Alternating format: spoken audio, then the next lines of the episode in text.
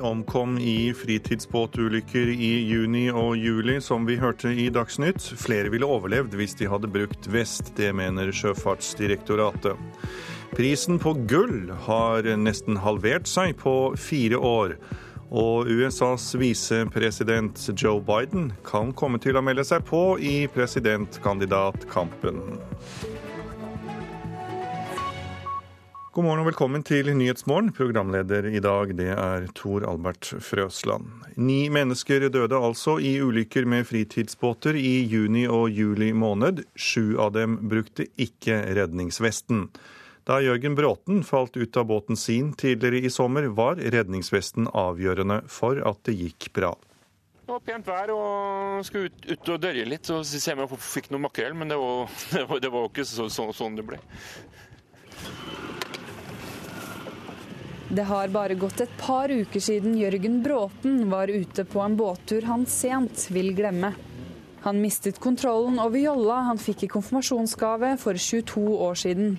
Båten ble fylt med vann, og Jørgen ble kastet ut av båten og ned i den 17 grader kalde sjøen ved Saltnes i Østfold. Først og fremst så ble jeg jo litt eh, sjokka. Så gikk eh, båten én runder rundt over kroppen min, så jeg fikk eh, propellen også kappa opp maven. En mann ved campingplassen like i nærheten så det hele og fikk varslet politiet og redningsskøyta Elias som kom til unnsetning.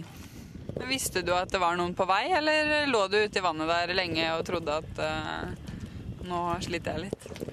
Jeg hadde ingen anelse om at eh, det skulle komme noen, så jeg skrek ganske høyt og gavla høyt på, et par-tre båter som var noen hundre meter unna meg, men de hadde vel ikke sjanse til å høre meg pga. at det, at det blåste ganske mye. Så jeg hadde ingen anelse og ble veldig glad når jeg så redningsskøyta snudde. I juni og juli har ni mennesker dødd i båtulykker i Norge. Sju av dem brukte ikke vest.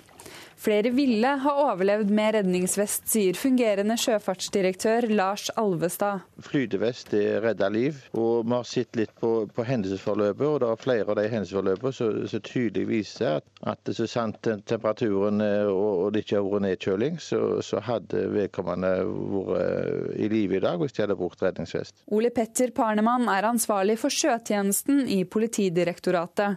Han er redd vi vil se flere båtulykker fremover. Nå går vi inn i sensommersesongen med tidligere kveldsmørke og stummende sørt eh, veldig mørke, stort sterkt mørke om natta.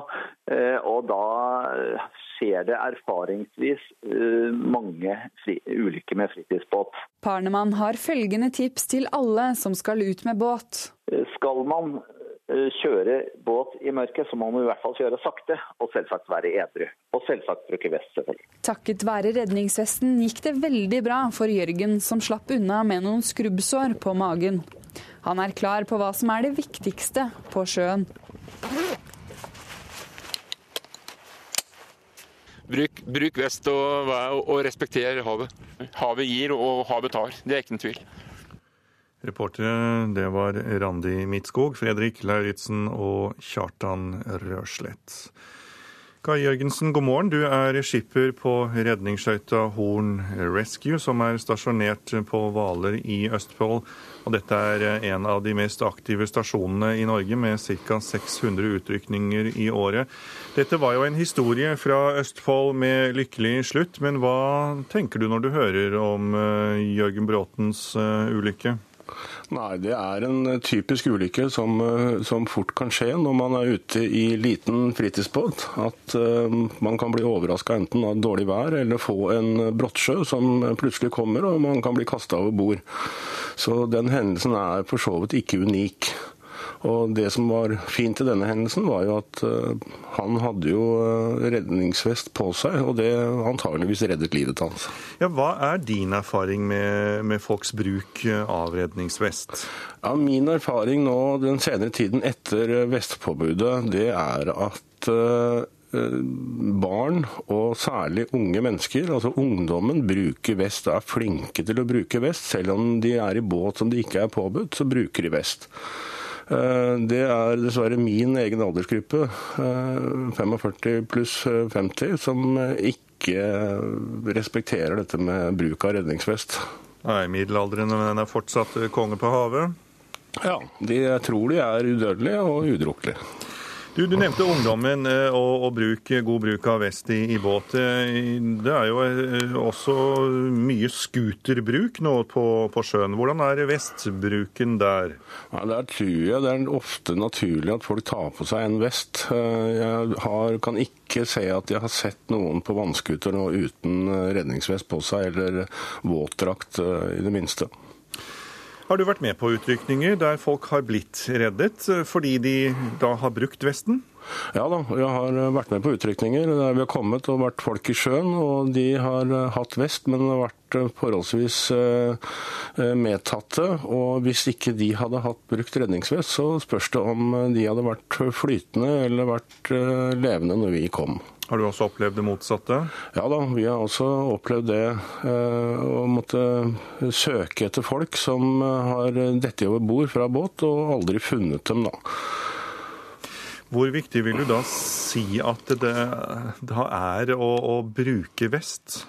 Altså, jeg tror, altså Når vi ser av statistikken for eh, første halvår av 2015, så er det jo da 14 som har omkommet i fritidsbåt på sjøen, og ni av disse har ikke brukt uh, redningsvest. Og kanskje at i hvert fall kanskje halvparten av de ni igjen hadde, og vel så det, hadde kanskje da overlevd hvis de hadde brukt vest. Jeg tror at uh, folk må begynne å skjønne at det der med redningsvest er viktig. Selv om man blir nedkjølt, så er det i hvert fall muligheter, eh, eller at man omkommer pga. Eh, å ligge for lenge i sjøen eller sånn, så er det viktig at eh, noen kan finne deg uansett. Og dersom båten skulle gå rundt og da ulykken være ute, uansett om det er med eller uten vest, ditt råd da er at du blir ved det kantrede, eller hva? Ja, det blir ved det kantrede. Ikke prøve å begynne å svømme og kave, fordi da tapper du mye energi. både i temperatur og, og krefter. Så bli ved, ved, båten og prøv å unngå å svømme. Og det er jo det som er fordelen også med redningsvester i dag. De er jo farvesprakende, gjerne gule eller oransje, så de syns også tidlig. Takk skal du ha, Kai Jørgensen i Redningsselskapet. Utenriks nå. Minst 46 mennesker har mistet livet, og 150 000 er rammet av monsunregnet i Myanmar. Nå slipper myndighetene mat og nødhjelp med helikopter til de verst rammede områdene. Representanter for myndighetene i Myanmar diskuterer med redningsmannskapene hvor de skal slippe dagens nødrasjoner. Den siste oversikten viser at minst 150 000 mennesker har fått sine hus og jorder satt under vann i det fattige asiatiske landet. Det som før var dyrkbar mark, er blitt innsjøer. Provisoriske veier og stier er blitt gjørmehav, og på bakken er det nesten umulig å få fram utstyr. Nå flys derfor hjelpesendingene inn og slippes fra helikopter til de verst rammede områdene. Myanmars militærjunta fikk kritikk for den manglende innsatsen i 2008 under den forrige katastrofen. Den gangen tok tyfonen Nargis livet av 150 000 mennesker. Denne gang har regjeringen vært med på banen, og både presidenten og flere av medlemmene i regjeringen har inspisert redningsarbeidet flere steder, og lover forsterket innsats. Reporter her, det var Christian Aanensen. Det er ikke gull alt som glimrer, heter det, og det samme kan kanskje sies om gullprisen, for den har nesten halvert seg på fire år. I krisetider blir ofte gull sett på som en trygg havn til å plassere pengene sine i, men god økonomi i USA setter en stopper for nettopp det. Hos gullsmedene i Oslo tror de også at kundene kommer til å merke at gullet er billigere enn på mange år. Her har vi jo tradisjonelle gullkjeder og gullarmbånd. Hos gullsmed Tune på Majorstuen i Oslo viser daglig leder Julian Berntsen frem det han kaller et enkelt halskjede i hvitt gull. Smykket, som inneholder fem gram av det edle metallet, er prissatt til litt over 3500 kroner. Men det kan snart forandre seg. Det vil nok koste litt mindre om innen kort tid. Prisen på råvaregull har nemlig stupt nedover og nesten halvert seg siden 2011. Eh, råvaremarkedet påvirker jo prisene inn til våre butikker, men det tar ofte noen måneder før det fysisk syns ute i forretningene. Eh, en annen ting er jo det at vi handler jo veldig mye varer i dollar, og dollaren kontra krona er jo veldig dårlig. Så vi får jo håpe på en sterkere krone òg, så blir det kanskje enda bedre priser i Norge.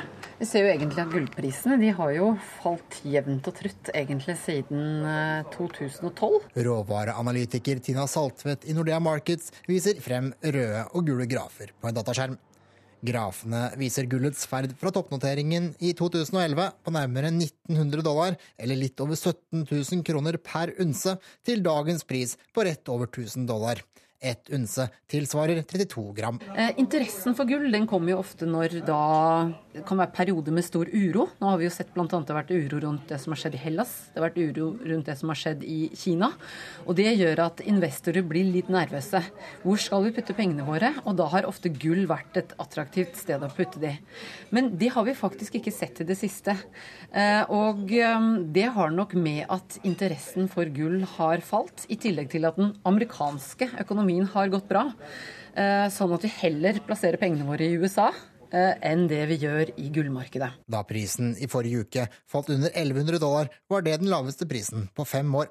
Flere utenlandske analytikere spår nå at verdien på gullet kommer til å gå enda lavere. Det tror også Saltvedt. Hvis vi ser økt uro bl.a.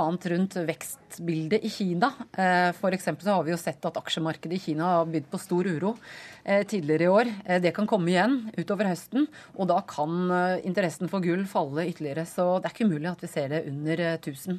Reporter var Kent Amar Eriksen. Klokken er straks 7.15. Nyhetsmorgen hører du på, og her er hovedsakene våre. Flere ville overlevd fritidsbåtulykker hvis de hadde brukt vest, mener Sjøfartsdirektoratet. Ni omkom på sjøen i juni og juli. Skipper i Redningsselskapet Kai Jørgensen sa her i Nyhetsmorgen at ungdom er de flinkeste til å bruke vest når de er på sjøen.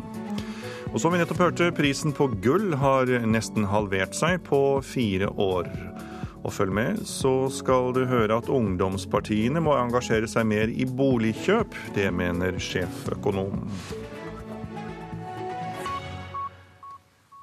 Kommer USAs visepresident Joe Biden til å utfordre Hillary Clinton som demokratenes presidentkandidat? En spaltist i avisen The New York Times skrev i helgen at Bidens sønn insisterte på at faren måtte stille før han selv døde av kreft i mai.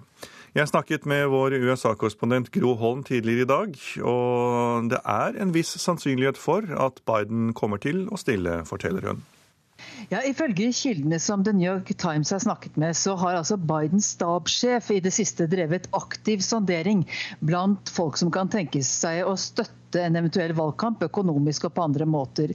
Og Folk som kjenner visepresidenten godt, de sier at det at hans eldste sønn Baas, som han sto veldig nær eh, like før han døde, oppfordret faren til å, eh, til å, stille. Ikke bare oppfordret, men han prøvde å få faren til å love at han skulle stille. Og at også en yngre sønn støtter denne ideen, det, det kan ha en eh, veldig sterk innvirkning på Joe Biden, og er nok det som har fått han til å tenke over dette Eh, på alvor. Men det er ingen som venter at han kommer til å bestemme seg nå i løpet av de første dagene. Eh, trolig eh, vil en beslutning komme i begynnelsen av september, tror de fleste. Og det er jo en del ting som taler mot han, da, bl.a. hans alder. Han er 72 år. Og han er mann, i motsetning til da den, den sterkeste andre kandidaten Hillary Clinton. Men hva er det som skiller ham og Hillary Clinton når det gjelder politikken? Egentlig er det ikke så mye som skiller de to i innenrikspolitikken, og det er jo det som er det viktigste i en amerikansk valgkamp. De er begge liberale og står solid plantet i sentrum. Men det ryktes at Biden, dersom han stiller, vil forsøke å plassere seg litt til venstre for Hillary Clinton i den økonomiske politikken.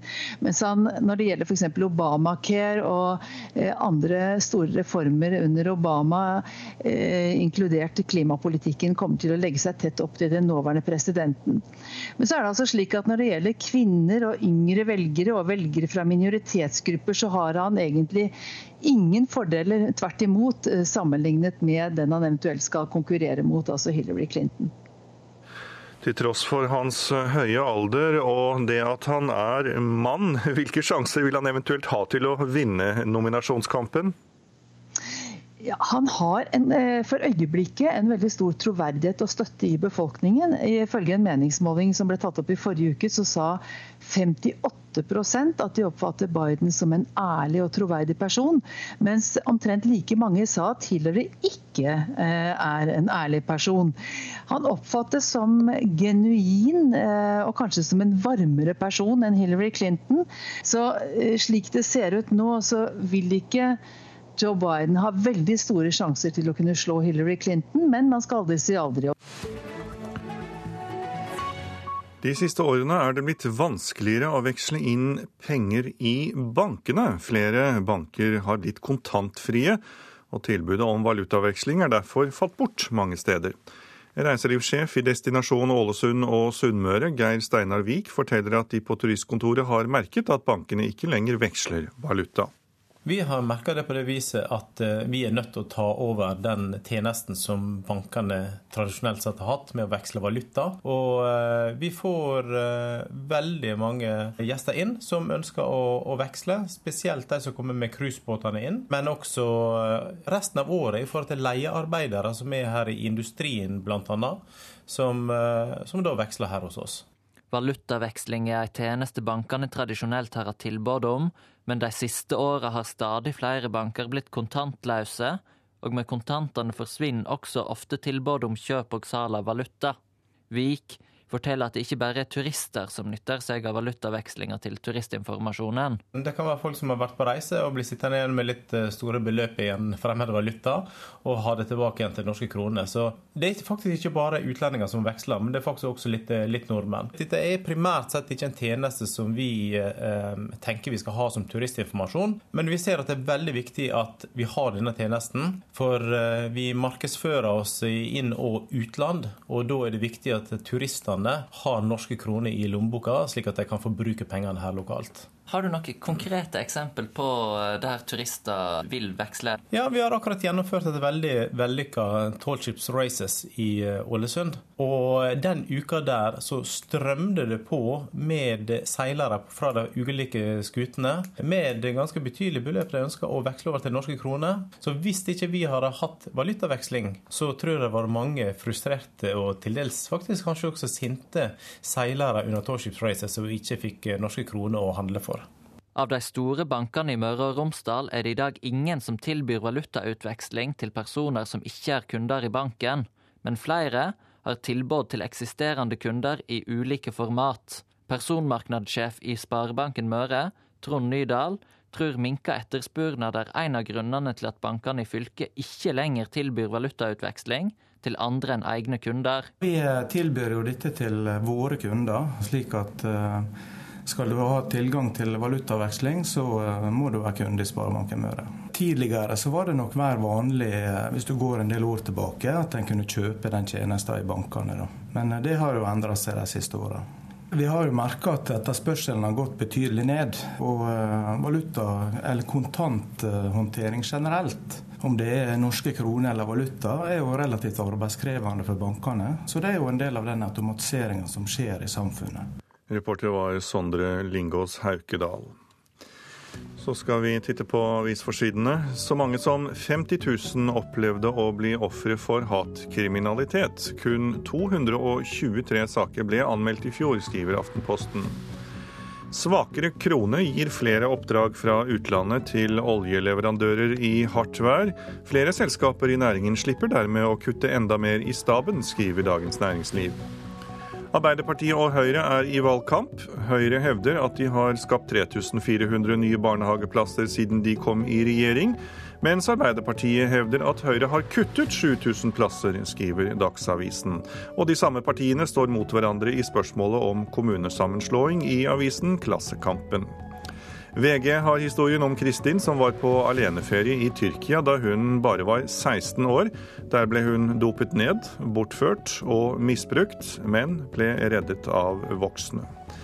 Dagbladet gir deg råd om hvordan du skal bli kvitt ferievanene og komme raskere tilbake til hverdagen igjen. Bønder i Rogaland ble ikke hørt av regjeringen. Ny firefelts veitrasé for E39 kommer til å gå rett gjennom jordene deres på Figgjo, skriver Nasjonen.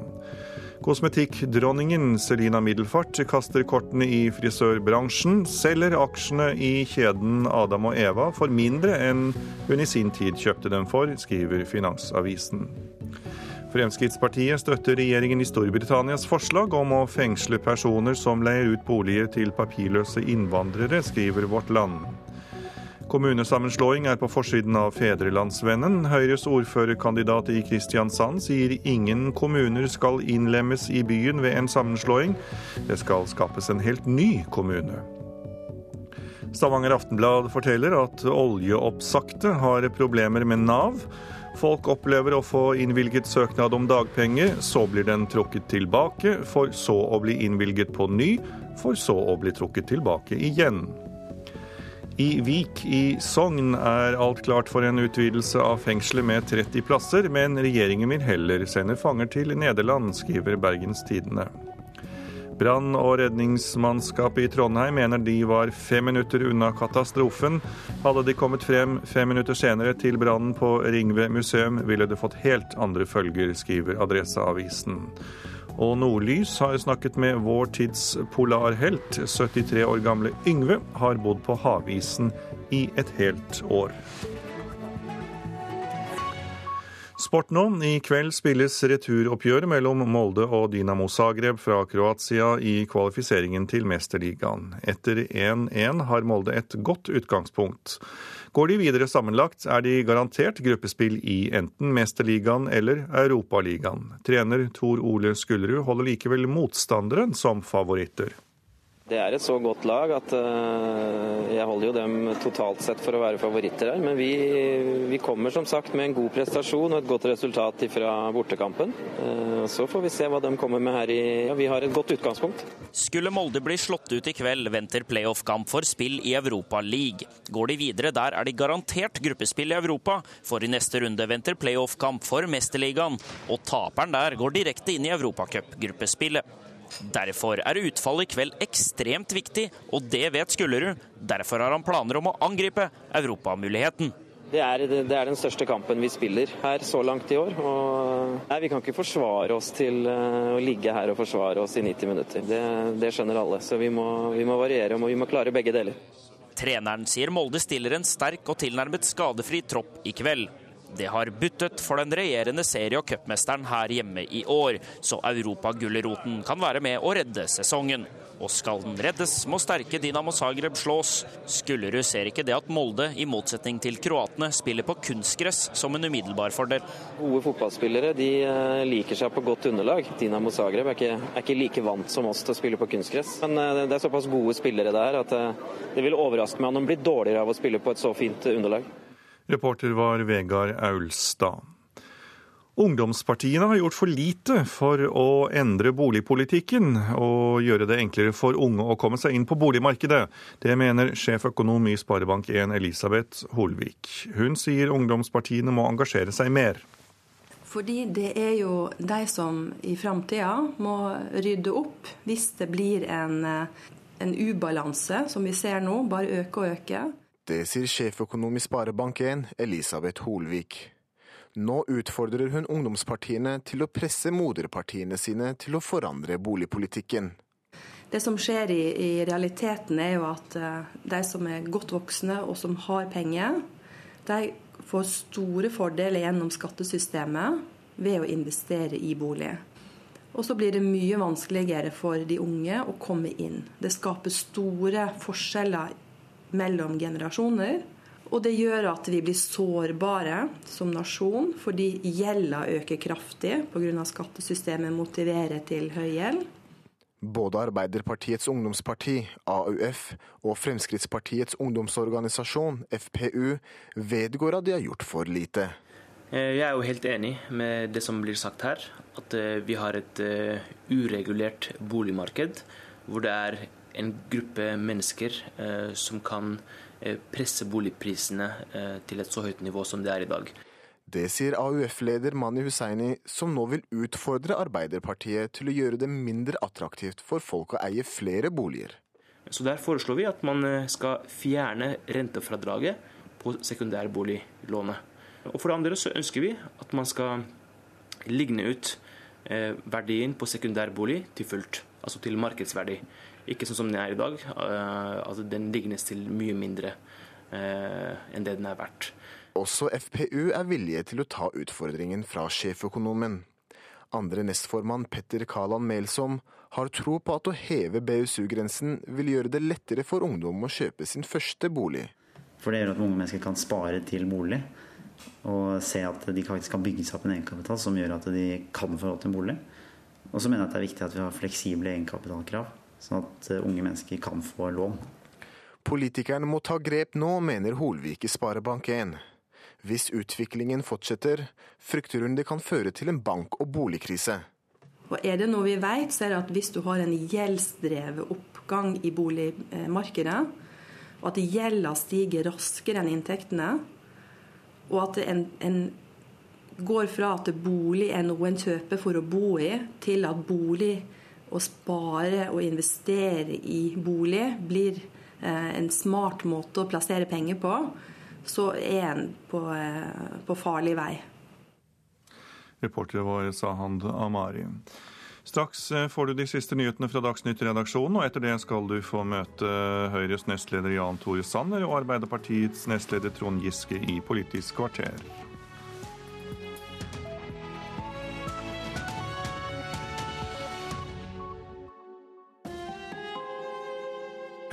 Ekko. Nord-Koreas tidligere diktator Kim Jong-il var en ekte filmelsker, og ble direkte inspirert av James Bond-filmene når han planla flykapringer, terrorangrep og spektakulære kidnappinger.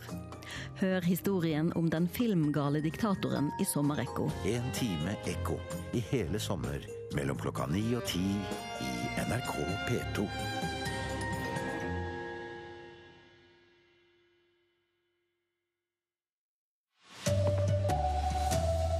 Ni mennesker har dødd i båtulykker i sommer. Flere ville overlevd om de hadde brukt vest, mener Sjøfartsdirektoratet. Gullprisen er halvert de siste åra. Det kan kundene komme til å merke. Ulvekunst skutt i filler på Finnskogen. Her er NRK Dagsnytt klokka 7.30. Trass påbud om redningsvest dropper mange vesten på sjøen. I juni og juli døde ni mennesker i ulykker med fritidsbåter. Sju av dem brukte ikke redningsvest. Da Jørgen Bråten datt ut av båten sin tidligere i sommer, var redningsvesten avgjørende for at det gikk bra. Det var pent vær og skulle ut, ut og dørje litt Så ser vi om jeg fikk noe makrell, men det var, det ikke så, så, sånn det ble.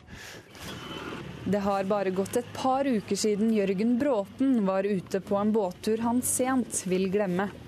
Han mistet kontrollen over jolla han fikk i konfirmasjonsgave for 22 år siden. Båten ble fylt med vann, og Jørgen ble kastet ut av båten og ned i den 17 grader kalde sjøen ved Saltnes i Østfold. Først og fremst så ble jeg jo litt uh, sjokka. Så gikk uh, båten én runder rundt over kroppen min, så jeg fikk uh, propellen også kappa opp maven. I juni og juli har ni mennesker dødd i båtulykker i Norge. Sju av dem brukte ikke vest. Flere ville ha overlevd med redningsvest, sier fungerende sjøfartsdirektør Lars Alvestad. Flytevest redder liv, og vi har sett litt på, på hendelsesforløpet. og det er Flere av de hendelsesforløpene som tydelig viser at, at så sant temperaturen og, og det ikke har vært nedkjøling, så, så hadde vedkommende vært i live i dag hvis de hadde brukt redningsvest. Ole Petter Parnemann er ansvarlig for sjøtjenesten i Politidirektoratet. Han er redd vi vil se flere båtulykker fremover. Nå går vi inn i sensommersesongen, og da skjer det erfaringsvis mange ulykker med fritidsbåt. Takket være redningsvesten gikk det veldig bra for Jørgen, som slapp unna med noen skrubbsår på magen. Bruk vest. Havet gir, og havet tar. Det er ikke noen tvil. Reporter Randi Midtskog. Oljeprisen falt under 50 dollar fatet på børsene i går, og ligger fremdeles på det nivået. Årsaken er at det blir produsert mye olje, men det er usikkert om behovet for all olje. Oljeprisene har falt den siste tiden sammen med kull, gass og annet drivstoff. Prisen på nordsjøolje falt i går under 50 dollar per fat i London. I morgentimene handles oljekvaliteten fortsatt under 50 dollar fatet, fordi lavere forventninger for industriproduksjonen i oljeimporterende land kan redusere behovet for olje, samtidig som viktige produsentland tilbyr mye olje til markedet. Reporter Hedvig Bjørgum. Og prisen på gull har nesten halvert seg de siste fire årene. I krisetider blir ofte gull sett på som ei trygg havn å plassere pengene sine i, men god økonomi i USA setter en stopper for det. Hjå gullsmeden i Oslo tror de også at kundene kommer til å merke at gullet er billigere enn på mange år. Her har vi jo tradisjonelle gullkjeder og gullarmbånd. Hos gullsmed Tune på Majorstuen i Oslo viser daglig leder Julian Berntsen frem det han kaller et enkelt halskjede i hvitt gull. Smykket, som inneholder fem gram av det edle metallet, er prissatt til litt over 3500 kroner. Det vil nok koste litt mindre om innen kort tid. Prisen på råvare gull har nemlig stupt nedover og nesten halvert seg siden 2011. Eh, interessen for gull den kommer jo ofte når da det kan være perioder med stor uro. Nå har vi jo sett bl.a. det har vært uro rundt det som har skjedd i Hellas, det har vært uro rundt det som har skjedd i Kina. Og det gjør at investorer blir litt nervøse. Råvareanalytiker Tina Saltvedt i Nordea Markets viser frem røde og gule grafer på en dataskjerm. Grafene viser gullets ferd fra toppnoteringen i 2011 på nærmere 1900 dollar, eller litt over 17 000 kroner per unse, til dagens pris på rett over 1000 dollar. Ett unse tilsvarer 32 gram. Interessen for gull har falt, i tillegg til at den amerikanske økonomien har gått bra. Eh, sånn at vi heller plasserer pengene våre i USA enn det vi gjør i gullmarkedet. Da prisen i forrige uke falt under 1100 dollar, var det den laveste prisen på fem år. Flere utenlandske analytikere spår nå at verdien på gullet kommer til å gå enda lavere. Det tror også Saltvedt. Hvis vi ser økt uro bl.a. rundt vekstbildet i Kina, eh, f.eks. så har vi jo sett at aksjemarkedet i Kina har bydd på stor uro eh, tidligere i år. Det kan komme igjen utover høsten, og da kan interessen for gull falle ytterligere. Så det er ikke umulig at vi ser det under 1000. Analytiker Tina Saltvedt til reporter Kent Armer Eriksen. I Pakistan er en kjent fange avretta, det opplyser familien hans. Shafkat Hussain ble dømt for et drap på en sju år gammel gutt i 2004, da han sjøl var 15 år. Rettssaka mot han er blitt kritisert av FN og menneskerettsorganisasjoner, og avrettinga ble utsatt til sammen fire ganger. I Myanmar har 46 mennesker mista livet, og 150 000 er råka av monsunregnet. Nå sender styresmaktene mat og nødhjelp med helikopter til de verst råka områdene. Representanter for myndighetene i Myanmar diskuterer med redningsmannskapene hvor de skal slippe dagens nødrasjoner.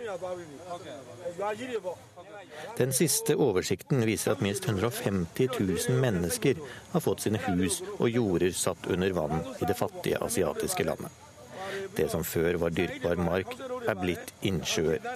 Provisoriske veier og stier er blitt gjørmehav, og på bakken er det nesten umulig å få fram utstyr.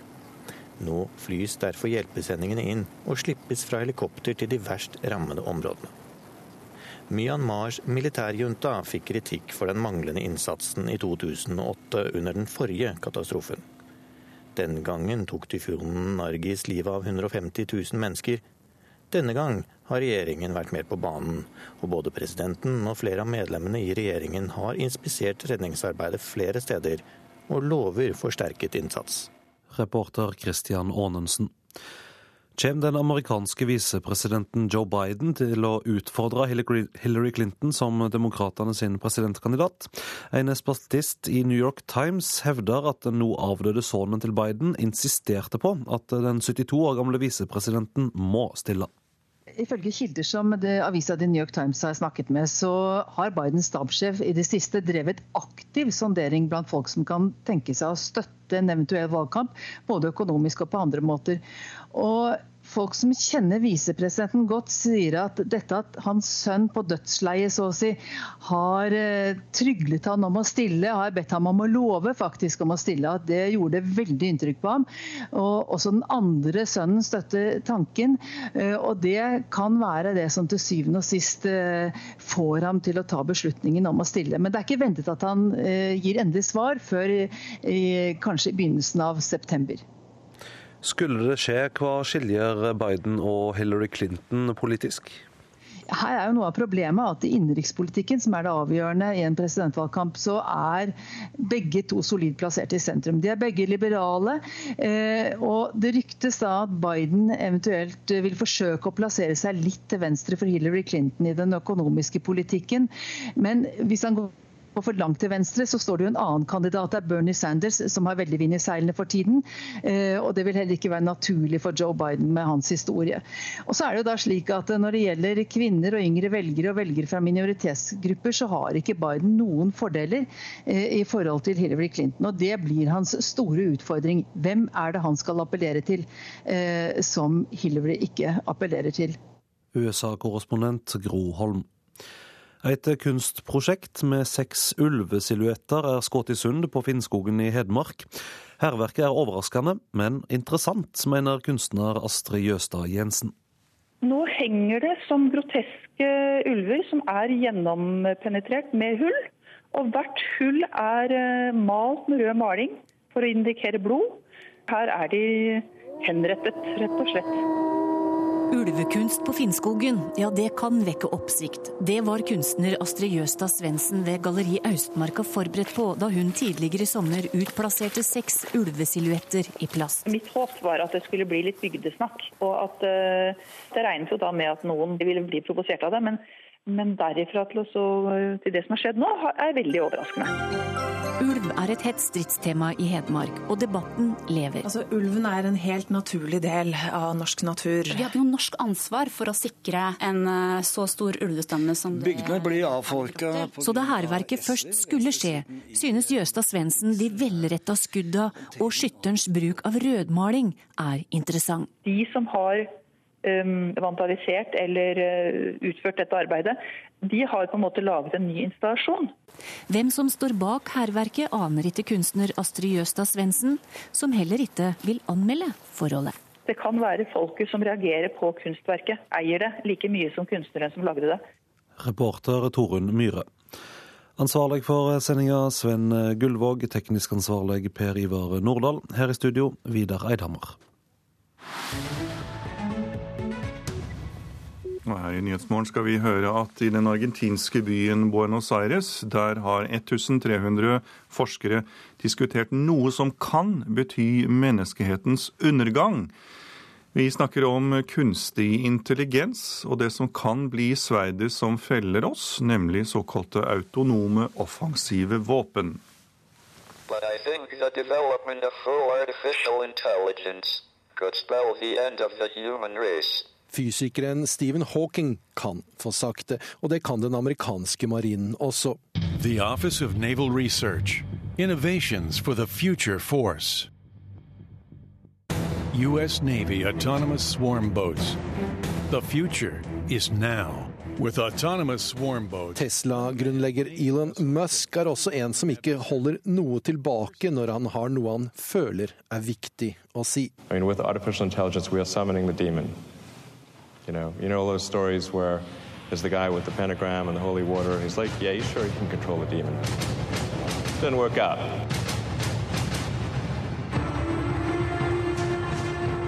De er her allerede, våpnene som kan ta egne beslutninger om når de skal drepe et menneske. De ser ikke ut som robotene fra Terminator-filmene. Det vil ta en stund. Nå ligner de mer på gressklipperen din, men med et maskingevær. De ligner på de kjente og kjære dronene fra nyhetene, og de ligner på luftforsvarssystemer. Felles er at de er utplassert på steder der beslutningen om å skyte må bli tatt så fort at et menneske ikke kan være involvert. Okay, so? Well, since 1969,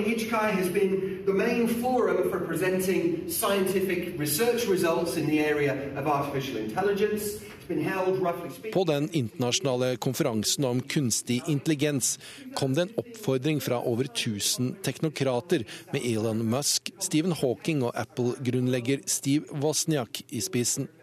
Forby autonome offensive våpen, eller på godt utenlandsk killer robots. For slik teknologi er under intensiv utvikling, og er blant mye annet et moralsk problem. Is it right? Do the dictates of public conscience allow a machine to make life and death decisions on the battlefield? Leder av våpenstudiegruppen i Den internasjonale Røde Kors-komiteen, Kathleen Lohan, sier vi må finne ut om det er greit at en maskin bestemmer om et menneske skal dø. Røde Kors-komiteen arbeider ikke for et forbud, sier hun. Komiteen vil bare at statene skal ta diskusjonen om de juridiske og etiske sidene ved de nye våpnene. Nå diskuteres det bare hvilke eventuelle begrensninger slike våpen skal ha. for example, horror over chemical weapons to an actual treaty, horror over biological weapons to an actual treaty, Uh, it seems to be on the order of 60 to 70 years. Professor Stuart Russell fra University of California, Berkeley, mener et forbud vil ta lang tid, og at vi derfor må tenke på det nå.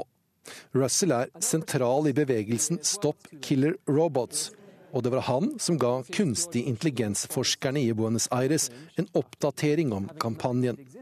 Og professoren mener noen viktige spørsmål må stilles, bl.a. er autonome offensive våpen egentlig noe nytt? Uh, a machine is simply going to replace a human in some decision situation about whether to kill or not kill. In fact, there will be an arms race, and the nature of war will change completely. Mm -hmm. And the, you know, crudely speaking, the life expectancy of a human on the battlefield will be 10 seconds. Mm. Uh, so, is, is, this a direction we want to go? I'm not so sure. Reporter var Halvard Sandberg. Hovedsaker her i Nyhetsmorgen i dag det er at ni omkom i fritidsbåtulykker i juni og juli. Flere ville overlevd hvis de hadde brukt vest, det mener Sjøfartsdirektoratet. Prisen på gull har nesten halvert seg på fire år, og det kan vi kunder komme til å merke. Ungdomspartiene må engasjere seg mer i boligkjøp, det mener sjeføkonom. Det er valg i år, og valgkampen er i gang. Høyres Jan Tore Sanner og Arbeiderpartiets Trond Giske er kommet i studio sammen med programleder Bjørn Myklebust, og det betyr Politisk kvarter.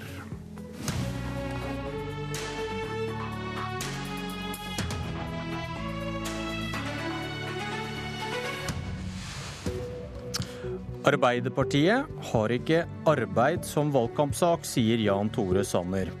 Høyre har ikke en politikk for Nord-Norge, sier Trond Giske. Valgkampen er i gang, der partiene forteller om det de andre partiene mener. Det er ikke min påstand, de peker på hverandre. Det skulle bli fire påstander, mer enn nok for et politisk kvarter. Jan Tore Sanner, nestleder i Høyre, kommunal- og moderniseringsminister, god morgen. Riktig god morgen. Hvis vi begynner med Arbeiderpartiets valgkamp. Du ble overrasket da du hørte de viktigste valgkampsakene til Arbeiderpartiet i går? Ja, jeg gjorde det. Eh, Norge står nå midt oppe i en omstilling som eh, skyldes bl.a. et sterkt fall i eh, oljeprisen. Det gjør at mange mennesker har mistet jobben. Mange enkeltmennesker og familier er utrygge på om de vil ha en jobb utover, utover høsten. Og så hørte jeg da Jonas Gahr Støre presentere Arbeiderpartiets hovedsak for valgkampen. Arbeidsledighet, mulighet til å legge til rette for nye arbeidsplasser var ikke nevnt blant de sakene. og Det overrasker meg, fordi at kommunene og fylkene spiller en veldig viktig rolle i å legge til rette rette for nye bedrifter og nye arbeidsplasser. Det kan de gjøre gjennom å legge til rette for næringsarealer, være ja-kommune, raskere saksbehandling, sørge for god infrastruktur, styrke yrkesfagene. Dette er ikke nevnt som sak for, for Arbeiderpartiet, og det overrasker meg. Det kommer til å være en viktig sak for Høyre. Vi vil ha kommunene med på laget til, til å legge til rette for nye bedrifter og nye arbeidsplasser. Trond Giske, nestleder i Arbeiderpartiet. Er ikke arbeid så viktig i en lokalvalgkamp? Jeg tror arbeid til alle er Arbeiderpartiets absolutt viktigste sak hele tida. Vi ble grunnlagt på den saken. Vi har hatt det som vår kampsak i 130 eh, år. Eh, og det er også en av grunnene til at vi f.eks. i statsbudsjettet for 2015 hadde en helt annen satsing på regional næringsutvikling, på miljøteknologiordning, på gründerordning, og ikke minst på kommuneøkonomien i seg sjøl. Eh, mange steder er det jo kommunen sjøl som er den store sysselsetteren. Nå ser vi altså det paradokset at samtidig med at vi har eh, den høyeste arbeidsløsheten på ti år, så er det kommuner rundt omkring i Norge som må si opp lærere, som må si opp hjemmehjelper. hjemmehjelpa. Og det er jo fullstendig meningsløst. Så Men, Jan Tore Sanner kan være helt trygg. Arbeid til alle er alltid en av Arbeiderpartiets viktigste saker. Hva syns du om poenget hans, at dere faktisk ikke nevner det som en av de viktigste sakene i valget? Nei, Jeg tror at uh, du vil finne mange intervjuer med uh, Jonas Gahr Støre hvor han snakker varmt og lenge om innsatsen mot arbeidsløshet. Så vil du helt sikkert finne intervjuer uh, både med meg og Jonas og mange andre hvor vi snakker om andre ting enn arbeidsløshet. Men det betyr ikke at ikke den saken er viktig. Så det å ta utgangspunkt i ett intervju og si at det betyr at Arbeiderpartiet ikke er opptatt av arbeidsløshet. Jeg tror ikke, jeg tror ikke velgerne går på den, og jeg tror ikke det er verdt å bruke så mye tid på det. Vi har masse politikk med, mot ledigheten, og det er vi mest skuffa over at ikke regjeringa gjør mer. Når du sitter i regjering og har sittet i to år og endte opp med den høyeste arbeidsløsheten på ti år. Vi er veldig nære unna å komme i en situasjon hvor vi har den høyeste ledigheten på nesten 20 år. Eh, da bør du først og fremst konsentrere deg om din egen politikk. Siden du hang deg opp i at dette ikke ble nevnt i går, mener du det var avslørende? At det ikke ble nevnt av Støre? Det er ikke noe tvil om at Arbeiderpartiet snakker mye om arbeidsledighet og arbeid for alle. Spørsmålet er hvordan du handler. Eh, og Jonas Gahr Støre fikk i går spørsmålet hva er Arbeiderpartiets viktigste saker i denne valgkampen? Og arbeidsledighet, legg til rette for nye bedrifter og trygge arbeidsplasser var ikke nevnt blant de tre viktigste sakene. Det kommer til å være en viktig sak for, for Høyre, nettopp fordi kommuner og fylker spiller en så viktig rolle i kampen mot arbeidsledighet og legger til rette for nye bedrifter og arbeidsplasser arbeidsplasser. Når jeg er ute og besøker bedrifter, så får jeg vel så ofte spørsmål om lokale saker som nasjonale saker. Det kan handle om eh, behandling av reguleringssaker, det kan handle om, om veier, om eh, kollektivtransport, om lærlingordning. Veldig mange lokale spørsmål er viktig for bedrifter og arbeidsplasser. Derfor så kommer vi til å ha det som en viktig sak i denne valgkampen. Vi står nå oppe i en omstilling, og da er det viktig at vi har en politikk som legger til rette for nye arbeidsplasser. Det la vi opp til i budsjettet for 2015. Det forsterket vi nå i vår med revidert nasjonalbudsjett, og vi kommer til å forsterke innsatsen ytterligere i 2016, som eh, gjør at vi kan eh, bruke omstillingsperioden også til en overgang til lavutslippssamfunnet, bl.a. ved å satse på miljøteknologi og kollektivtransport. Men ditt poeng er at hvis, hvis det betyr noe da hva man velger å ramse opp som prioriterte saker, da, da hadde vel kritikerne rett da, da de reagerte på at dere ikke hadde miljø som en av de åtte viktigste satsingssakene da dere dannet regjering? Miljø er en viktig element i satsingen på kollektivtransport. Når vi satser på Men dere nevnte det ikke. Poenget var at du kritiserer dem for ikke nevne arbeid. De sier at det er implisitt at vi satser på det. Du møter deg selv litt i døra når det gjelder disse åtte punktene der miljø ikke står. Ja, det, det, er, det, er, jeg uenig i. fordi at uh, miljø er, uh, er, et mål, hvor kollektivtransport er et tiltak, hvor satsing på forskning, teknologiutvikling er viktige tiltak. Når vi nå går inn i en valgkamp, så målretter vi, vi hvordan vi vil handle for å skape nye arbeidsplasser, hvordan vi vil legge til rette for å trygge flere, flere bedrifter. Og så har vi tiltak knyttet til det. Og der må vi ha med kommunene. De spiller en viktig rolle. Våre lokalpolitikere er nå klare til å komme med forslag om hvordan de kan legge til rette for nye bedrifter og nye arbeidsplasser. Og så kan vi jo snu på det, Giske. Hvis arbeid uansett er prioritert, selv om dere ikke nevner det, da faller vel kritikken mot at miljø ikke var på den åttepunktslista den gangen? Altså Da regjeringa ble danna og de sa åtte svære områder hvor det skulle satses og ikke hadde med klimaspørsmålet, så syns vi det var en eh, mangel. Men han kan, han kan, likevel ikke kritisere deg for å ikke ha med arbeid på, på de viktigste valgkampsakene denne gangen? Altså Jan Tore Sanner kan, og kommer til å kritisere meg så mye han kan, eh, uansett. Så det tror ikke jeg vi skal sette noen grenser for. Eh, men det er litt forskjell på en offisiell regjeringserklæring og et intervju i forbindelse med ett valgkamparrangement. Men Støre vet vel hva han sier? Ja da, men han snakka om eldreomsorg. Det er en utrolig viktig sak i kommunene. Han snakka om skole. Det er også for øvrig eh, veldig viktig for næringsutvikling. Eh, utdanning av en ny generasjon. Eh, men jeg syns det blir litt søkt. Jeg tror jo faktisk at eh, alle partier er opptatt av å skape arbeid. Eh, spørsmålet er bare om du lykkes. Og nå har vi altså to år inn i en ny regjeringsperiode. Den høyeste arbeidsløsheten på ti år. 118 000 mennesker er arbeidsløse. Sanner snakker som om omstilling er noe som har begynt nå. Den største omstillinga Norge har vært gjennom de siste ti årene, var jo under finanskrisa. Da hele Europa gikk kraftig tilbake i BNP. Altså, det var ikke det at det var svak vekst, det var at det var en stor nedgang i veldig mange land. Det klarte vi, ikke ved å skylde på Høyre, men ved å føre en offensiv politikk å få Norge gjennom med den laveste arbeidsløsheten i Europa. Høyre overtok en økonomi hvor vi hadde skapt 350 000 nye arbeidsplasser. Det er omstilling, det. Hvor økonomien var i orden, hvor veksten var sterk, hvor arbeidsløsheten var rekordlav, og vi hadde solid økonomi både på utenrikshandel og i statsbudsjettene. To år etterpå så er det altså rekordhøy arbeidsløshet. Kommuner sier opp folk i eldreomsorg og skole. Og hva er det Høyre gjør? Jo, de snakker om Arbeiderpartiets valgkampåpning. Det er utrolig defensivt når en regjering som, som har alle virkemidlene, begynner å snakke om opponenten istedenfor å snakke om løsningene på politikken. Her var, det, her var det tre store feil. For det første så er det ikke slik at dette var et tilfeldig intervju med Jonas Gahr Støre. Jonas Gahr Støre skulle presentere det som var Arbeiderpartiets tre viktigste saker i valgkampen. Kampen mot arbeidsledighet, Arbeid for å legge til rette for flere bedrifter og arbeidsplasser var overhodet ikke nevnt. Det andre er at eh, du kan ikke, ikke skylde på regjeringen når eh, oljeprisen blir halvert. Det er klart at Når oljeprisen blir halvert i løpet av, av kort tid, så får det store konsekvenser. Ikke bare for pengene inn i statskassen, men også for eh, arbeidsplasser. Mange mennesker føler i dag utrygghet i forhold til, til jobben sin. og Derfor så har vi tiltak for å legge til rette for nye arbeidsplasser. Det handler om å bygge mer infrastruktur, satse mer på forskning, få flere eh, såkornfond som gjør at du får risikovillig kapital, sørge for at vi bygger opp under de vekstnæringene vi har innenfor oppdrett, mineralnæringen og andre områder. Og så helt til slutt, det er ikke riktig at det blir færre ansatte i kommunene. Tvert imot. Vi styrker velferden i kommunene. Vi satser mer på kommuneøkonomien. Vi satser mer på skolen, mer på eldreomsorgen. Det blir flere ansatte i kommunene, og det kommer til å være helt nødvendig. Rett og slett fordi at omsorgsoppgavene i Kommune-Norge vokser. Men, men jeg er helt enig, Det er ikke Høyre sin skyld at oljeprisen har falt. Like lite som det var Arbeiderpartiet sin skyld at vi ble ramma av en enorm finanskrise. Det er ikke spørsmål om skylda for det, det er spørsmål om hva gjør du med det? Og I 2009 så sa ikke vi Nei, Høyre har en for dårlig politikk, eller snakka ikke om arbeidsløshet på en eller annen pressekonferanse. Vi bretta opp skjorteermene, vi bevilga masse penger til tiltak mot ledighet. Vi satte i gang kommunene med å pusse opp sykehjem, bygge skoler, bygge veier ansette flere.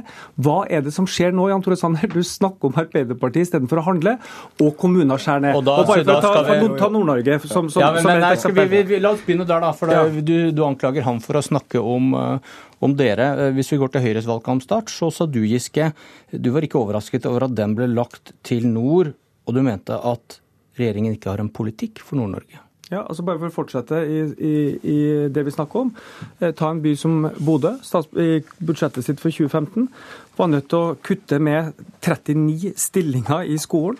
Eh, de har kutta rundt 200 barnehageplasser. De har en ny sykehjemsavdeling ferdig bygd som ikke blir starta opp, for de mangler penger til å ansette folk. Og Det er jo her Arbeiderpartiet skiller seg fundamentalt fra Høyre. Vi mener at det er helt meningsløst at kommuner og ikke alle selvfølgelig, men at kommuner skjærer ned når det er så mange arbeidsløse. Hold folk i aktivitet, skap gode velferdstjenester, sørg for en bedre kommuneøkonomi. Du kunne selvfølgelig ha stemt for det budsjettet som vi la fram, hvor vi hadde tre milliarder mer til kommunene, til eldreomsorg, til gode skoler, eh, til god velferd. Men isteden så brukes pengene på skattekutt som har ingen dokumenterbar eh, effekt på sysselsettinga. Det er feil politikk, og Nord-Norge reiser seg mot det, som resten av landet reiser seg mot det. Du tar, du tar, feil igjen. For det første så er det slik at kommuneøkonomien er på samme nivå som det det var da de rød-grønne styrte. Dernest, la oss se på hvordan arbeidsledigheten har utviklet seg i Nord-Norge. da. I 2013 så var arbeidsledigheten i Nordland 2,9% I dag er den 2,5 I Troms var den 2,3 nå er den 2,1 I Finnmark var den 3,5 nå er den 3,2 Arbeidsledigheten har gått ned i Nord-Norge fra den tiden hvor Arbeiderpartiet styrte, til borgerlig styre. Eh, og Det vi ser, det er at, det er i Nord-Norge det skjer. Vi bygger opp under de eh, bransjene, de eh, næringsgrenene som er, er i vekst. Mineralnæringen, laksenæringen, olje og gass, fornybar. Og vi gjør det ved å gjøre store løft for infrastrukturen i Norge, i Nord-Norge. Bl.a. med E6 nord for Alta, E6 Helgeland nord, E105 fra Kirkenes mot, mot Russlands grense. Vi satser målrettet i Nord-Norge. Vi ser at Nord-Norge er en region i vekst. Jeg registrerer at Trond Giske snakker Nord-Norge ned. Vi vil snakke Nord-Norge opp. Det er der det skjer, og vi bygger opp under de næringene som nå er i vekst i Nord-Norge. Tar han feil? Altså er det eh, et parti som har snakka om nordområdesatsing og virkelig løfta Nord-Norge på den nasjonale og internasjonale arena, så var det vel i vår tid som regjering. Men tar, tar, tar han feil i de tallene han nevner? Arbeidsledigheten har gått ned i Nord-Norge. Det er jo ikke noen tvil om at arbeidsløsheten varierer fra kommune til kommune, fra fylke til fylke. Men det hjelper jo lite dem som blir arbeidsløse, at Jan Tore Sanner kan vise til at i statistikken så går prosentene slik og slik. Det er 118 000 arbeidsløse i Norge, ja. Det er verst på Vestlandet. Eh, det er minst tiltak på, på, på, den sterke ledigheten som rammer eh, kysten vår i, i, vest, eh, men det er også alvorlig for mange i Nord-Norge. I Tromsø, som også er høyrestyrt, og Bodø er høyrestyrt, så har man et budsjettunderskudd så ut til å få her i vår i 2015 på 70 millioner kroner. Det er ganske dramatisk for en kommune, fordi man holder igjen på kommuneøkonomien, som du styrer, Jan Tore Sanner. Og du kutter i regionale utviklingsmidler, dere kutter i reiselivsmidler, dere kutter i verdiskapingsprogram for, for marin sektor. sånn at det er feil det du sier. Dere har en defensiv næringspolitikk. Den handler om skattekutt som ikke virker, istedenfor det som virker nå lokalt. Du, nå snakker du mot bedre vitende. For det første, KS, som er kommunenes egen organisasjon, har dokumentert at veksten i de frie inntektene i våre forslag har vært større de tre første årene av vår periode enn det de var de tre siste årene under rød-grønt styre. Så vi satser på kommuneøkonomien fordi det er viktig, fordi det er viktig for velferden for innbyggerne. Men det er jo ganske avslørende at når Trond Giske da blir konfrontert med tallene som viser at arbeidsledigheten i Nord-Norge går ned, ikke i tilfeldige kommuner, men i Finnmark, i Troms, i Nordland, i Nord-Trøndelag, så har arbeidsledigheten gått ned fra 2013 til mai 2015. Vi har en målrettet politikk for å bygge opp under de næringene som er i vekst i Nord-Norge. Nord-Norge er i vekst, Nord-Norge er i fremgang. Da skal vi snakke Nord-Norge opp. Da skal vi ha tiltak som gjør at vi bygger opp under næringene, og ikke drive med polemikk, slik som Trond Giske gjør. Jeg siterer fylkesrådslederen i Nordland som sier at uh, det som skjer i Nordland, det er på tross av og ikke på grunn av regjeringa. Og det er Høyre altså som står bak disse kuttene i velferd, skole og omsorg, okay, både i Bodø og i Tromsø. Og den er, nå er nord, Tiden er ute. Trond Giske, Jan Tore Sanner. Valgkampen er i gang.